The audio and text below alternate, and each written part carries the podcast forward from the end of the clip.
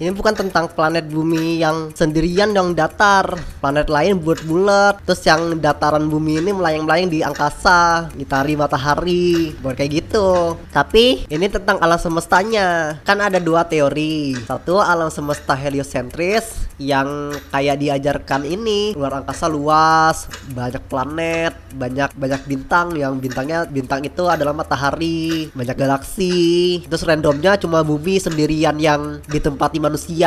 Terus ada teori kedua namanya alam semesta geosentris. Itu di mana bumi itu hamparan terus semua benda langit itu lebih kecil ukurannya dari bumi dan benda-benda langit itu ngitari bumi. Makanya ada Polaris, Polaris yang itu kalau di Google kayak searching itu ada itulah foto apa bintang-bintang memutar di langit. Jadi teori alam semesta ini ada kubal langit gitu semua benda-benda langit ngelilingi bumi ya juga nggak seperti yang dikatakan teori heliosentris di mana bintang-bintang itu matahari enggak bintang itu benda langit lain bentuknya. Matahari beda lagi itu matahari pun juga ukurannya nggak sebesar yang dikatakan ini. Matahari itu ukurannya lebih kecil daripada hamparan bumi terus ngelilingi buminya ini untuk menceritakan siang dan malam. Itulah jadi kalau misalnya yang orang dengar kata bumi datar kan pasti ngerasa bayanginnya itulah bumi sendirian yang datar layang-layang di angkasa luas gitu. Jadi kayak tolol gitu. Tapi kalau misalnya yang geosentris ini kan inilah apa gambaran alam semesta yang diyakini selama ini gitu. Jadi gini ya juga tapi dari panca indera kita dapat gitu kan. Ya kayak gini lah kita apa lihat bumi itu gak ada lengkungan terus matahari itu ukurannya sama kayak bulan. Sebenarnya benar-benar gak diketahui sih ya secara pasti cuma punya argumen juga lah gitu. Maksudnya gini ya heliosentris ini itu buktinya itu apa? Jadi misalnya NASA itu karena saya cuma ngasih gambar CGI kan.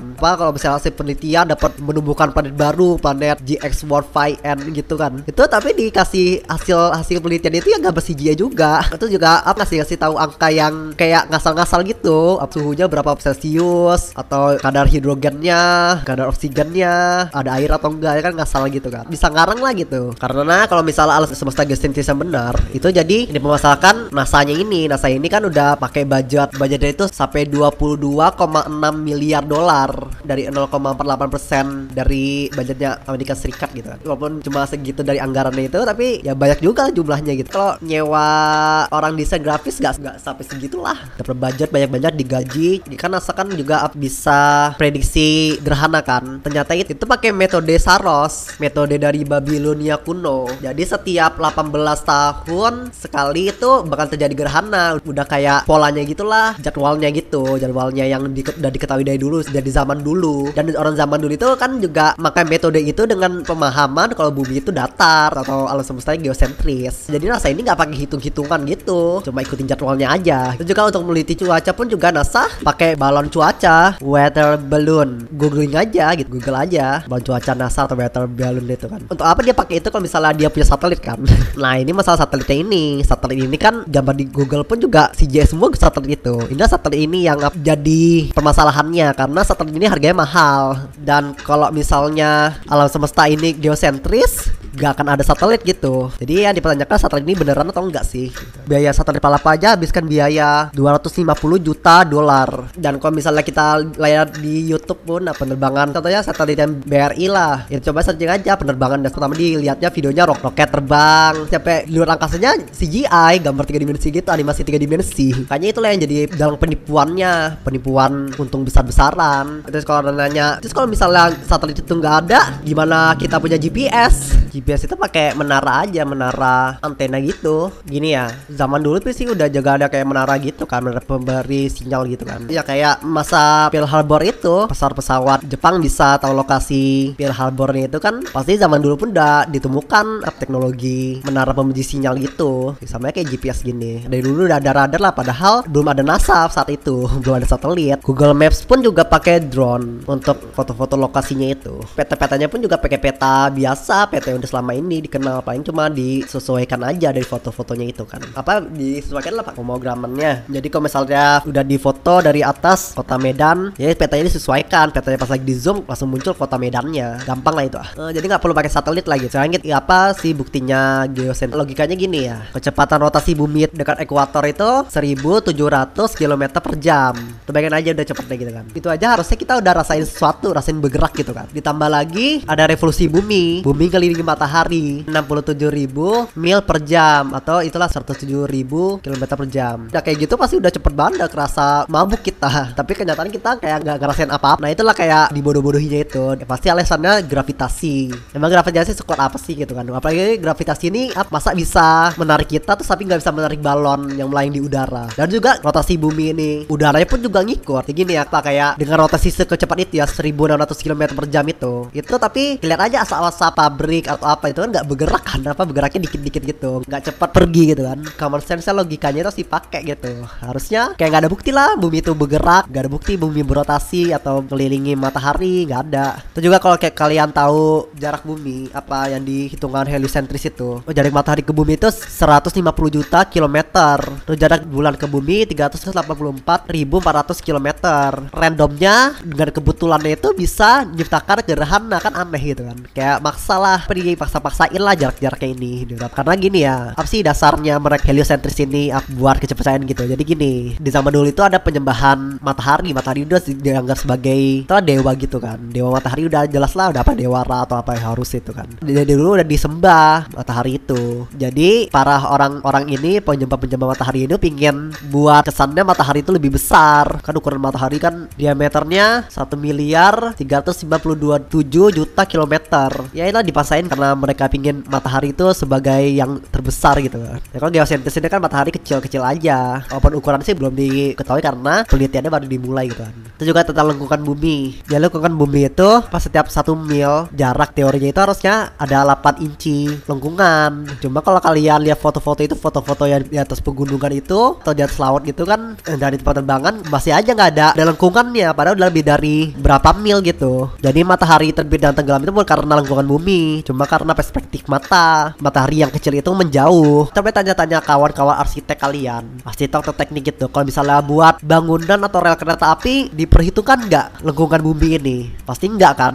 Ya asal buat aja, kelihatan datar dia datar gitu kan. Nah, kalau kalian langit sore itu kan, cahaya matahari itu kan memencar melebar gitu. Logikanya ini kalau matahari besar banget dan cahayanya lurus, cahaya matahari itu bakal lurus doang, nggak melebar. Kecuali kalau misalnya kayak center, center itu kan kalau di kalian dekatkan itu kan melebar karena center itu udah dekat kecil sumber cahayanya, makanya melebar. Jadi matahari ini kenapa bisa melebar gitu? Ya kemungkinan karena emang matahari bentuknya kecil dan dekat ukurannya. Paling jaraknya kira-kira sebesar 5.700 km dan dengan diameternya 50 km aja. Pasti pasti juga ada pembantahan itu dengan ISS ini, ISS ini. Yang apa yang siaran langsung NASA itu dari satelit itu kan. Itu coba kan kecepatan pasti nggak masuk akal itu kenapa? Kecepatan ISS itu kira-kira dua ketiga kali kecepatan suara. Padahal pesawat yang tercepat di dunia itu yang tiga kali kecepatan suara itu pesawatnya kokoh, aerodinamis, ya pakai baja kuat gitu kan. Biar kalau bisa pakai kecepatan suara kan pasti hancur lah gitu kan. Cuma kalau yang satelit ISS ini dengan dua dua tiga kali kecepatan suara tapi bahannya itu cuma panel-panel doang dan astronotnya pun dengan santainya melayang di udara. Ya paling cuma studio doang lagi. Nah, dan selanjutnya juga yang tentang masa ini. Nah, setiap gambarkan roket coba aja kalian lihat videonya. Pasti roket itu terbangnya nggak vertikal tapi melengkung. Udah di atas baru melengkung. Apa karena emang mereka nggak dia nyampe luar atmosfer, nyampe di lagi-lagi rendah aja pasti jatuhin. Itu juga dan lokasi penerbangan roket NASA itu kan selalu di dekat laut kan? Itulah ya, roket yang nggak terbang vertikal itu dijatuhin ke laut. Eh, biar gak ada yang cari. Jadi ke sana aja di mereka udah nerbangin roket ke luar angkasa padahal enggak kayak kalau Antartika ini kan kalau dari teorinya pasti udah tau lah tembok lingkaran itulah pasti udah tau lah. Yang gimana ya Antartika ini menjadi wilayah terlarang. Kutub selatan itu nggak ada adanya selatan ah, lindung es ini. Kalau kalian peta bumi datar itu kan pasti tau lah kayak lambang PBB itu. Lambang PBB itu lah peta bumi datar itu kan. Jadi kutub utara itu di titik tengah. Makanya kalau kompas pun juga arahnya ke utara itu terus. Makanya kalau misalnya orang pada keliling bumi itu ke tempat asalnya karena orang yang keliling bumi itu pakai kapal atau pesawat itu kan pasti pakai kompas juga kan. Makanya mereka ikutin kompasnya itu jadi ujung-ujungnya juga kembali ke tempat awal mereka berangkat. Juga luas peta bumi bulat pun tidak sesuai kenyataan. Jadi misalnya Greenland luasnya 2 juta 166 ribu kilometer persegi dan Afrika luasnya 30 juta 224 ribu 50 kilometer persegi. Luas Afrika 14 kali lebih besar dari luas Greenland padahal di peta bumi bulat terlihat kasat mata ukurannya antara keduanya hampir sama. Padahal kenyataannya kedua itu beda 14 kali lipat. Ya lihat aja peta bumi bulat ini kan. Kalau ukurannya kayak gitu. Tapi kalau dilihat peta ini malah lebih besar bagian atas bagian Greenland ini. Mungkin juga apa sih sebagai konspirasinya orang-orang kulit putih karena pinginnya jadi rasnya tinggi gitu. Makanya peta-peta negara mereka diluaskan gitu kan. Apa kalau misalnya argumen itu kan kalau misalnya kalau kapal melaju di laut kan jadi menghilang gitu, terbenam gitu. Itu sebenarnya enggak. Sebenarnya pakai teropong gitu dizoomkan gitu masih ada kapalnya cuma mereka hilang aja dari karena atmosfer ini kan apa udara ini kan ada gas-gasnya itu. Itu bisa mengaburkan bayangan. Itu makanya mereka bayangannya hilang karena itu. Jadi itu juga ini ya kalau misalnya jarak segitu aja udah hilang jadi kesannya terbenam karena lengkungan bumi. Tapi kenapa eh, lengkungan bumi yang horizontal ini nggak kelihatan gitu ya? Kayak gitu kayak foto-foto laut dari jauh gitu kan. Ya itu lurus garis lurus kan horizontalnya. Masa vertikal doang yang apa yang melengkung horizontal enggak. Makanya ini penyebab ateisme ini asal dari ini di alam semesta heliocentris ini. Kesannya manusia itu nggak spesial. Yang misalkan gitu ya kalau misalnya orang yang kepercayaan gitu kan orang beragama itu kan apa manusia spesial. Jadi makanya bumi itu juga tempat spesial. Makanya bumi itu hamparan yang lebih luas dari benda langitnya. Kayak jadi tempat manusia gitu. Kalau misalnya di heliocentris ini kan ya bumi cuma planet kecil random dari galaksi yang luas-luas banget itu ya kemungkinan ada makhluk-makhluk lain tuh alien atau apa gitu kan. Itu randomnya kenapa yang dipilih tempat tinggal cuma bumi doang. lah jadi ke sana bumi itu gak spesial. Makanya orang pada jadi ateis semua. Kalau bisa logika kayak apa tentang rotasi bumi ini kalau misalnya ada helikopter terbang 24 jam itu bakalan terbangnya pun juga helikopter itu pada di tempatnya sama nggak ada maju nggak ada mundur kalau ada efek rotasi bumi kan pasti bakalan pindah tempat kan helikopternya ya tapi kalau dibuktikan itu nggak pernah ada kasus helikopternya itu apa terbang ke tempat lain jadi rotasi bumi ini nggak ngefek lah gitu kan juga ini ya tentang tahun dari zaman dulu itu kalau melakukan perjalanan itu kan ikutin bintang-bintang. Bentuk-bentuk bintang karena bintang itu kan ya dulu kan orang percayanya mengelilingi bumi jadi jadi disebut bentuk kubah bumi itu kan. Makanya kalau misalnya di heliocentris kan alam semesta itu kan acak-acak gitu kan. Bintang ini kelilingi ini bilang gitu kayak gitu matahari kelilingi bintang lain gitu kan.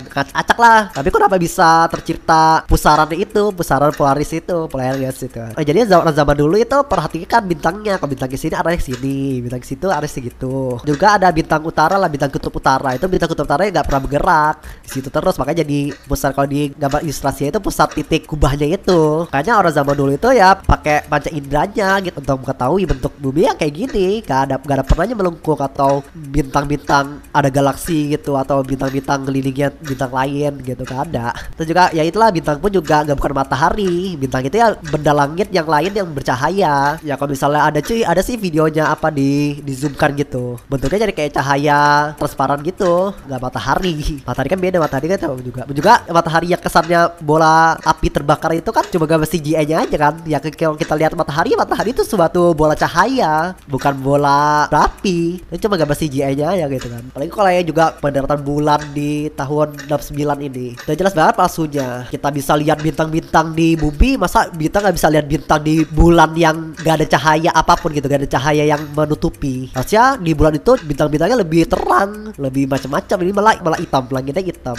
Jadi apa ini beda-beda konspirasi bukan konspirasi total doang tapi konspirasi menyembunyikan Tuhan. Gravitasi lah gravitasi itu argumennya ini kalau geosentris bumi datar ini matahari sama bulan itu kenapa bisa bergerak bisa mengelilingi bumi sih? Itu karena elektromagnetik. Itu coba aja ada videonya di YouTube gitu suatu eksperimen di mana ada yang apa melayang gitu melayang benda-benda pakai elektromagnetik itu jadi melayang. Melayang mengelilingi berputar jadi hamparan bumi ini suatu kayak baterai atau elektromagnetik yang raksasa. Dan juga bulan itu juga punya cahaya sendiri. Dan cahayanya itu kalau diukur suhunya itu cahayanya lebih dingin. Bukan batuan cahaya matahari. Bulan itu emang bercahaya. Jadi di cahaya bulan ini menyimbangi cahaya matahari sebagai yin dan yang. Jadi biar ada siklusnya lah. Ya mereka itu bisa melayang karena elektromagnetik bukan gravitasi. Apa tentang kita ini kena bisa jatuh itu kata karena berat jenis. Makanya udara berat jenisnya lebih ringan daripada kita. Makanya terbang gitu. Karena kalau bisa apa-apa aja gravitasi kan gravitasi pun juga gak jelas fungsinya. Karena bisa jatuhin karena bisa, bisa buat benda mengorbit. Memang kita tanya kenapa bumi mengelilingi matahari? Itu karena gravitasi bukan ada gravitasi gaya yang menarik ya. Kenapa bisa jadi buat mengorbit? Kan gitu aneh argumennya itu kan. Ya konteks konspirasinya itulah Newton itu kan juga antek-antek orang-orang itu. Antek penyembah matahari iblis bla bla bla gitu. intinya kita berpikir kritis lah jangan percaya mutlak-mutlak lah percaya cari riset sendiri. Jangan dibodoh-bodohi gitu. Yaudah, bye. Salam people power.